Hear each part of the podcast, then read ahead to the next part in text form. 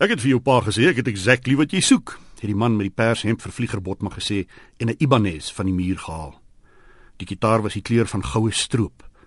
Vlieger het die instrument by die ouer man gevat. Deur sy skoolhemp was die gladde blink verniste hout koel. "Speel vir ons iets." Die verkoopsman se goue tand het onder sy hangsnor geflits. Vlieger het huiwerig na die gitaar gekyk.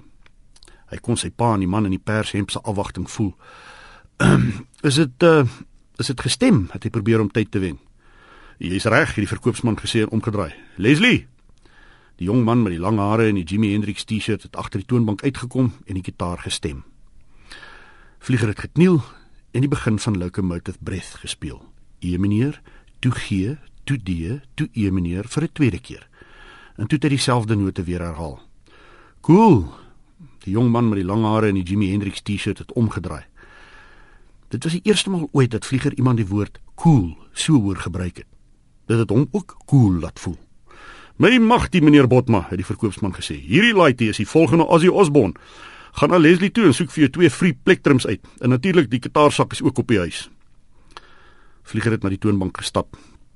Leslie het 'n plastiekkassie vol plektrums uitgehaal. Die arme dude weet nie eens Ozzy Osbourne speel nie gitaar nie, het die jong verkoopsman onder sy asem gefluister. Vlieger het stil gebly.